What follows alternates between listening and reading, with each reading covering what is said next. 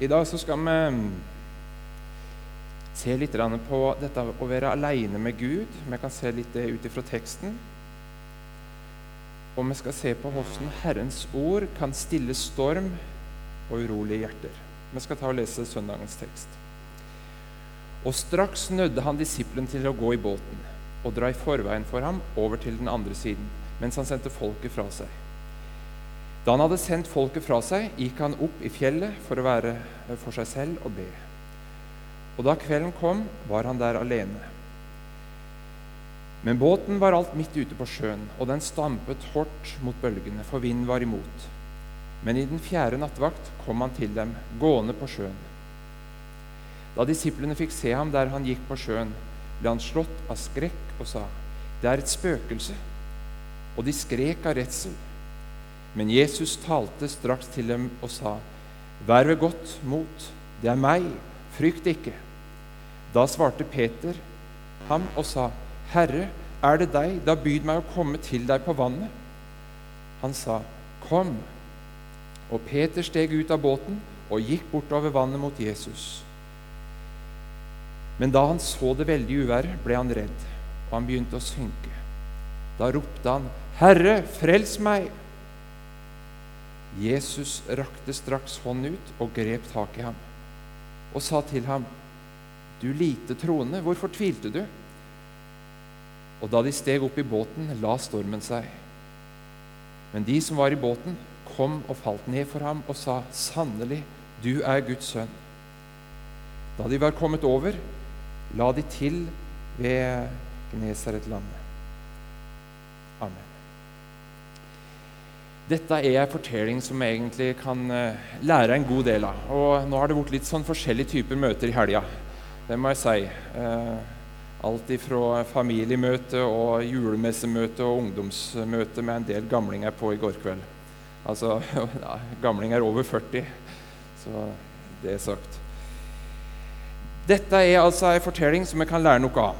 Foranledningen eh, Når vi leser litt tidligere i Matteus 14 så ser vi det at Jesus har fått høre at Johannes er blitt drept i fengselet. De har hogget huet av Johannes.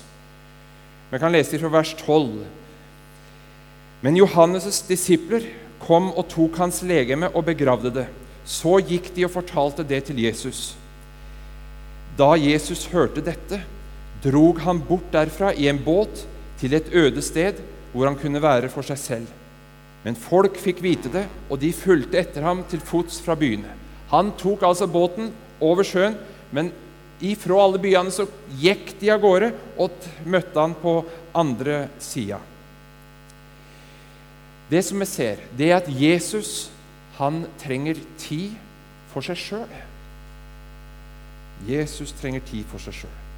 Og Derfor så tar han altså båten over sjøen men der står altså denne store folkemengda med 5000 mann pluss kvinner og barn. Han fikk medynk med folket, står det i teksten. Og så helbreder han de sjuke, og så er han sammen med dem, og så eter han med dem. Og så blir det kveld igjen. Jesus han tok jo egentlig båten over på andre sida for å være aleine. Men det blei han jo ikke. Men vi skal legge merke til det at han, han hadde ikke glemt det, at han trengte å være aleine med Gud. Han må være aleine med sin Gud. Og det som er nødvendig og viktig for Jesus, er nødvendig og viktig òg for deg og for meg. Det er noe som du må være aleine sammen med Gud om. Aleine med Gud. Gud. I teksten så ser vi at Jesus sender først folket og så sine nærmeste disipler bort. Og så går han opp i fjellet, der han er i bønn. Og det er det mange mennesker som har gjort opp igjennom tidene, og som gjør det i dag òg. Men jeg tror det er flere, færre. Jeg tror det er færre som er i bønn. Jeg tror det er færre som er aleine med Gud. Og som jeg sa på et møte i går Den plassen, det åndelige forfall, kan sees først det er at lønnkammerplassen blir tom i ditt og mitt liv. At jeg er aleine med Jesus, aleine med Gud. Er du en av deg Nå kan du ikke vri deg unna spørsmål, ikke du, han som står her heller. Er du en av deg som er aleine med Gud, aleine med Jesus, i bønn? Snakker jeg med Han? Jeg vil bare si at der er det styrke å få. Der er det kraft å få, og det er det velsignelse i å være aleine med Gud. Før Jesus reiser opp i fjellet, så skal vi legge merke til det at han nøder disiplene sine til å reise ut med båten over sjøen igjen. Og så skal, han, skal de komme i forveien over til den andre sida, sier han. Han skal komme etter. Og det er òg noe vi kan lære ut av, tror jeg, det som skjer der. Tenk det, Jesus har nesten pressa disse sjømennene, disse fiskerne, til å dra over i båten. Hvorfor, hvorfor pressa han dem? Hvorfor nødde han dem til det? Jeg tror kanskje ikke det var den beste kvelden å legge utpå. Det kan hende det var noen som syntes det var idioti å legge utpå sjøen denne kvelden. her. Og Det er derfor Jesus må nøde dem til å, å legge utpå. Jeg tror at det var noen av disse fiskerne som både hadde kunnskap og kjennskap, og tenkte som sånn I natt blir det storm. Jeg husker hjemme før når vi hadde tørt høy og sånn. Etter hvert faktisk som jeg ble eldre, så husker jeg det at jeg, jeg kunne kjenne på meg nå Selv om værmeldinga sa noe annet, som kunne kjenne på meg Nå kom det noe vinder og noe sånn som gjorde at nå tror jeg det kommer noe byger. Nå tror jeg det blir noe regn. Og sånn tror jeg det er med en fisker òg. Jeg tror han så det at denne natta blir det storm. Allikevel så får Jesus de ut på denne livsfarlige seilasen. Og Her tror jeg vi kan finne noen paralleller inn i våre liv. For vi vil så fort tenke som så at dersom det tårner seg opp en del store bølger i vårt liv, og når det begynner å blåse midt imot i mitt og ditt liv, ja, så kan det vel ikke være Jesus som har ført meg ut i dette?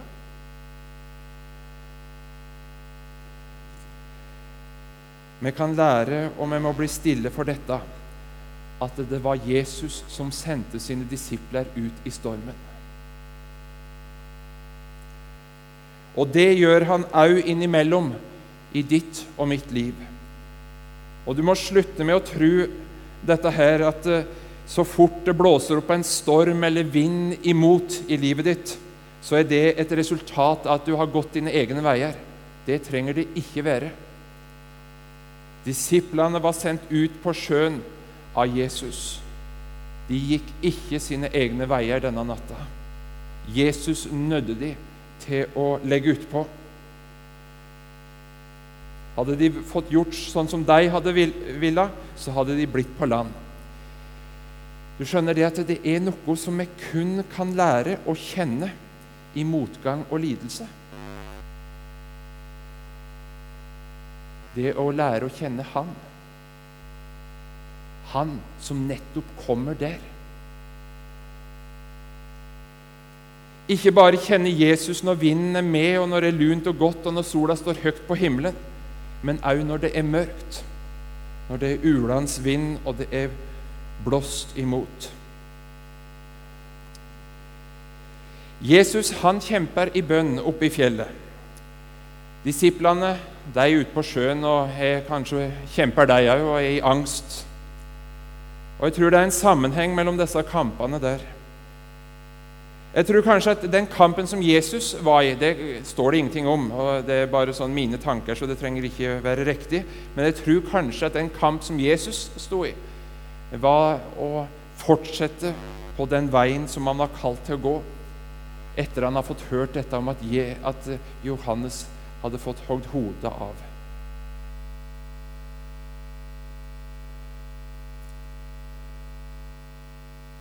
Det står en plass i Bibelen at han lærte lydighet av det han led. Og i lidelsen så kan lydighet læres. Og det er jo ikke slik at har vi først lært lydighet én gang, så har du lært det for resten av livet. Dag etter dag så må vi si et ja til å vandre på lydighetens vei, på kallets vei, i etterfølgelse av Jesus dag for dag må det lyde et ja til kallet som Gud har lagt på oss. Ellers så blir vi slike som begynner å leve for oss selv og ikke tar ansvar noen plass. Og det er det noe som preger Kristen-Norge i dag, så er det det at en vil være så uavhengig av alt, og òg av Jesu kall. Nei, igjen og igjen må vi få gi oss hen til det som Herren vil. Forpliktelse. Disiplene de kjemper der ute på sjøen. De kjemper egentlig for å ikke gå under. Jesus kjemper òg. Og djupest sett så er den kampen som Jesus kjemper, den er at vi, alle vi, alle hans disipler, ikke skal bukke under og gå til grunne i fortapelse. Og ende i en fortapelse der det er uten håp og uten Gud. Jesus han kjemper i dag for å berge og frelse og bevare oss. Det han virkelig kjemper for, det er at vi skal finne ro ved korsets fot hos ham. Ett er nødvendig, sa han. Han kjemper for at vi skal finne ro ved forsoningsverket som han har fullført. Og at vi får se at det er nok. Og at vi får se mer av det han har gjort. Forsoningsverket der Gud rekker ut sin vidåpne favn til ei fallen menneskeslekt. Der Gud rekker ut en vidåpen favn til deg og sier 'kom'.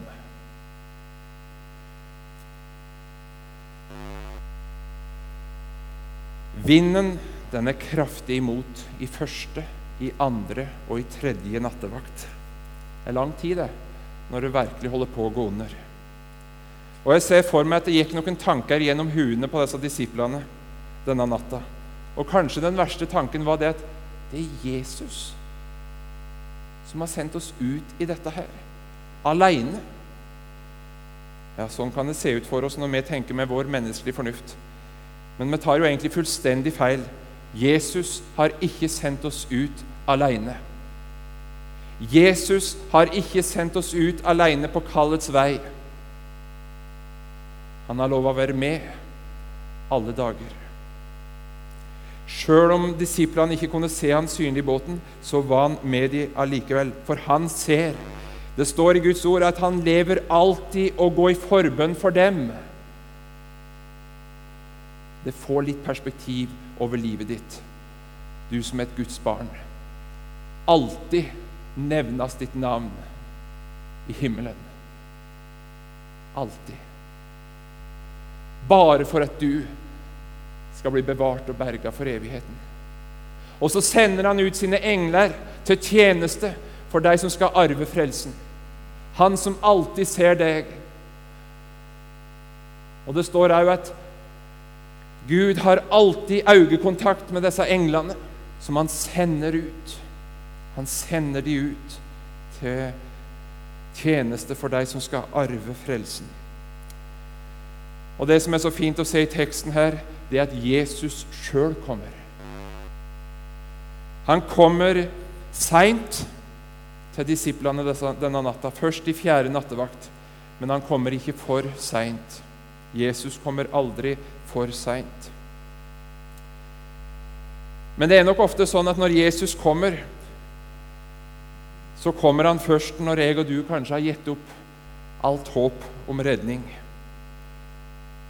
Men sjøl om, om, om, vi har gitt opp alt håp om redning, så er det likevel en frelse tilbake. Den frelse som Jesus Kristus sjøl er. Når Jesus først kommer til disiplene denne natta, så, så kjenner de han ikke. Ja, sånn kan det gå. En kan stirre seg så blind på alle vanskeligheter og storm og, og, og vind at en ikke kjenner Han når han kommer. Ikke kjenner han som kan få storm og sjø til å legge seg. Og mennesker som virkelig kom inn i de verste stormene et menneske kan komme inn i, kan oppleve at de ikke ser eller kjenner Jesus, eller ser at han er nær. Maria Magdalena, f.eks., som egentlig kjente han så godt. Så var det en voldsom storm i hennes liv. Jesus var tatt fra dem. Så står han ved sida av henne, så kjenner hun ikke igjen. Jeg har lyst til å si til deg i dag, du som eier den levende tru på Jesus. Jesus er nærmere deg enn du aner. Jesus er hos deg, og han kommer til deg, både i nød og i død, i stormen og i stilla. Vil Jesus være med? Og Nå skal du spesielt legge merke til hva som hjelper disiplene her når Jesus kommer. Og dette er kanskje hovedbudskapet. Det er Jesu røst. Han sjøl og hans røst som hjelper dem. Hans ord. De, jo, de hyler jo av redsel. Så kommer Jesus og sier noe til dem. Slik er Guds ord i dag òg. Det kan komme og stille storm òg i ditt liv. Guds ord, ord om korset, hele Guds råd.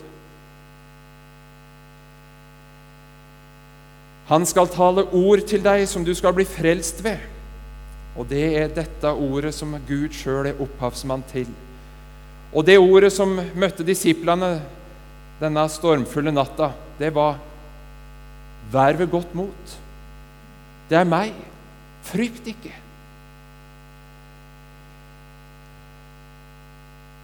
For oss så kan det kanskje virke som tørre ord når jeg leser det her. Men kan du sette deg inn i situasjonen? De hyler av redsel, og så får de høre Jesus som sier 'frykt ikke'. Det kan være mennesker i dag òg som hyler av redsel og er i et slikt uvær at de ser ingen utvei. Og Jesu ord kan gi samme virkningen inn i menneskers liv i dag, når de skjønner at det er Jesus som taler. Frykt ikke! Jeg skal gå med deg. Jeg vil bevare deg. Jeg vil holde deg fast. Jeg skal gå gjennom dødsskyggens dal sammen med deg.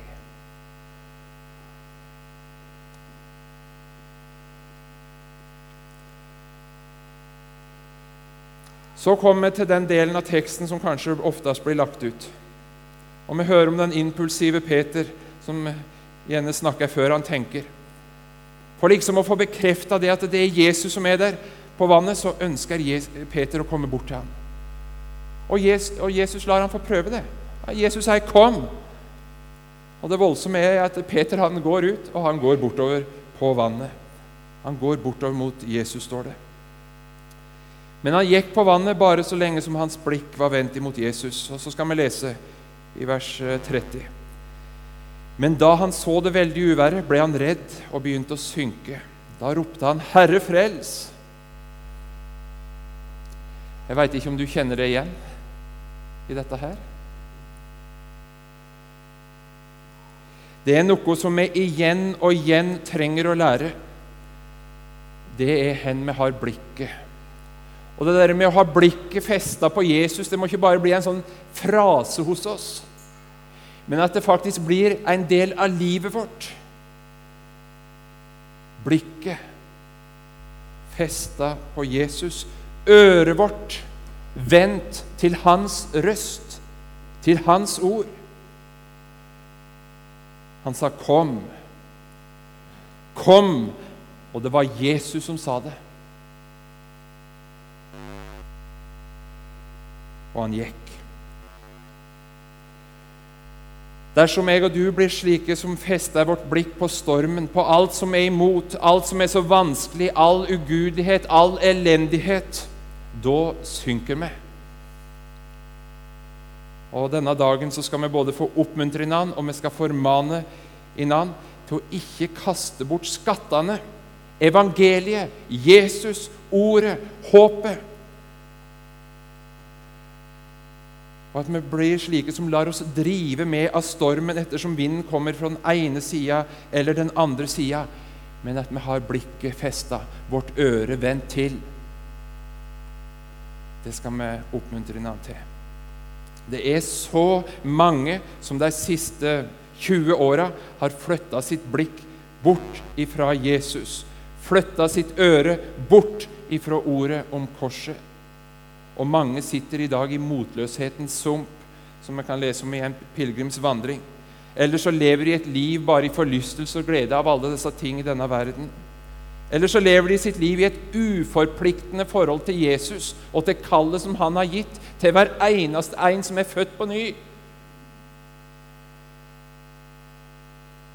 Vi er kalt til å bringe budskapet videre.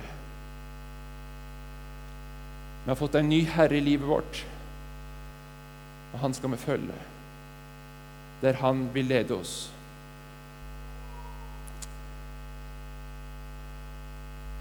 Tenk om Peter bare hadde holdt sitt blikk i og, og levd i tru på det ordet som Jesus sa. Han sa jo, Det var jo han som sa 'kom', og da går jeg. Han har sagt 'kom', nå får han ta ansvaret. Men Peter han begynte altså å synke. Og så roper han et 'Herre, frels'. Og så er du på møte i dag som har hatt ditt blikk og ditt øre på feil plass i lang tid. Og så skulle jeg ønske at det ikke var en predikant du sto overfor nå, men at Jesus taler til deg, om du er blant deg som har sunket i lang tid. Det går an å rope 'Herre, frels!' og ta imot Jesus på et formiddagsmøte i Salem. Jeg tror du er her som trenger det. Herre, frels. Og du skal få erfare det samme. Jesus griper tak og drar deg opp. Sånn er Jesus.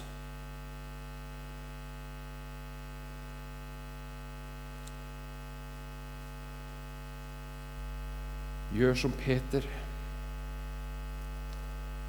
Rop. Vend om. Kom inn i vekkelsen, kom inn i fornyelsen, inn til Jesus sjøl. Han som er troas opphavsmann og fullender. Det var ikke slik at Peter var vantro, men han hadde lite tro, sier Jesus. Og det er nemlig slik at trua i hjertet, dersom Gud har skapt ei tru i hjertet ditt, så er ikke den konstant. Enten så er den i vekst, eller så er den i tilbakegang. Og der det ikke skjer, der er det ingen levende tro. Men det er bare en død innbilning om at du har Gud i hjertet ditt. Trua står aldri stille.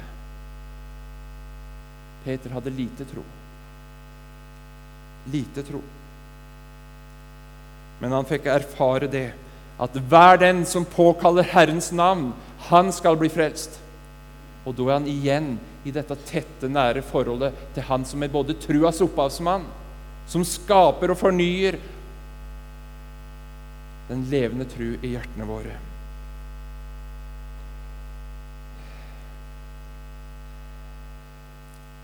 Vi ser i et vers her til slutt. Vi skal lese vers 33. Men de som var i båten, kom og falt ned for ham og sa, 'Sannelig, du er Guds sønn.' Hele denne fortellinga her i dag den ender opp i tilbedelse. De faller ned for Jesus og tilber Han. Og det er det jo snart ikke rom for hos oss. Jeg spurte vel i går hvor lenge er det så du har tilbedt Herren Jesus? De faller ned. Ser du erfaringa de har gjort? De har gått ut på Herrens ord. De har møtt storm i livet. De har blitt enda mer avhengig av å rope til Han.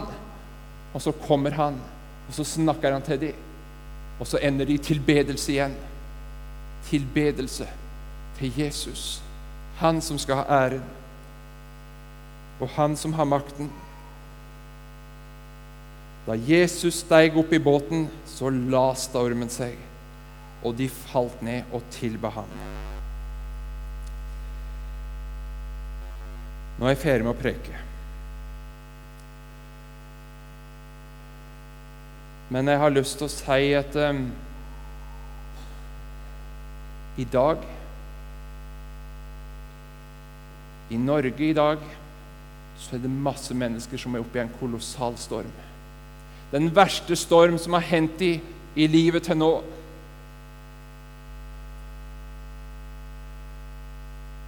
Det kan være forskjellige situasjoner. Det kan være ei jente på 16 år som er blitt gravid. Det kan være ei på 38 som har fått beskjed om at eh, barnet har kromosomfeil. Og så er den verste stormen i livet som de har opplevd til nå. Kanskje har du hatt den stormen i livet, du òg. Du er blant de som har tatt abort. Tatt bort et lite barn.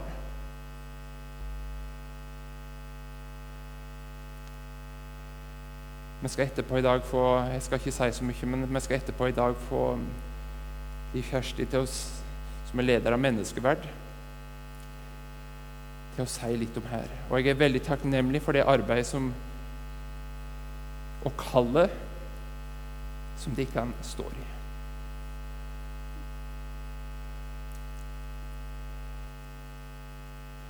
Menneskeverd er en organisasjon som vi i Misjonssambandet vil støtte. Ikke bare med ord, men òg midler. Det Jesu kall til oss å løfte fram menneskeverdet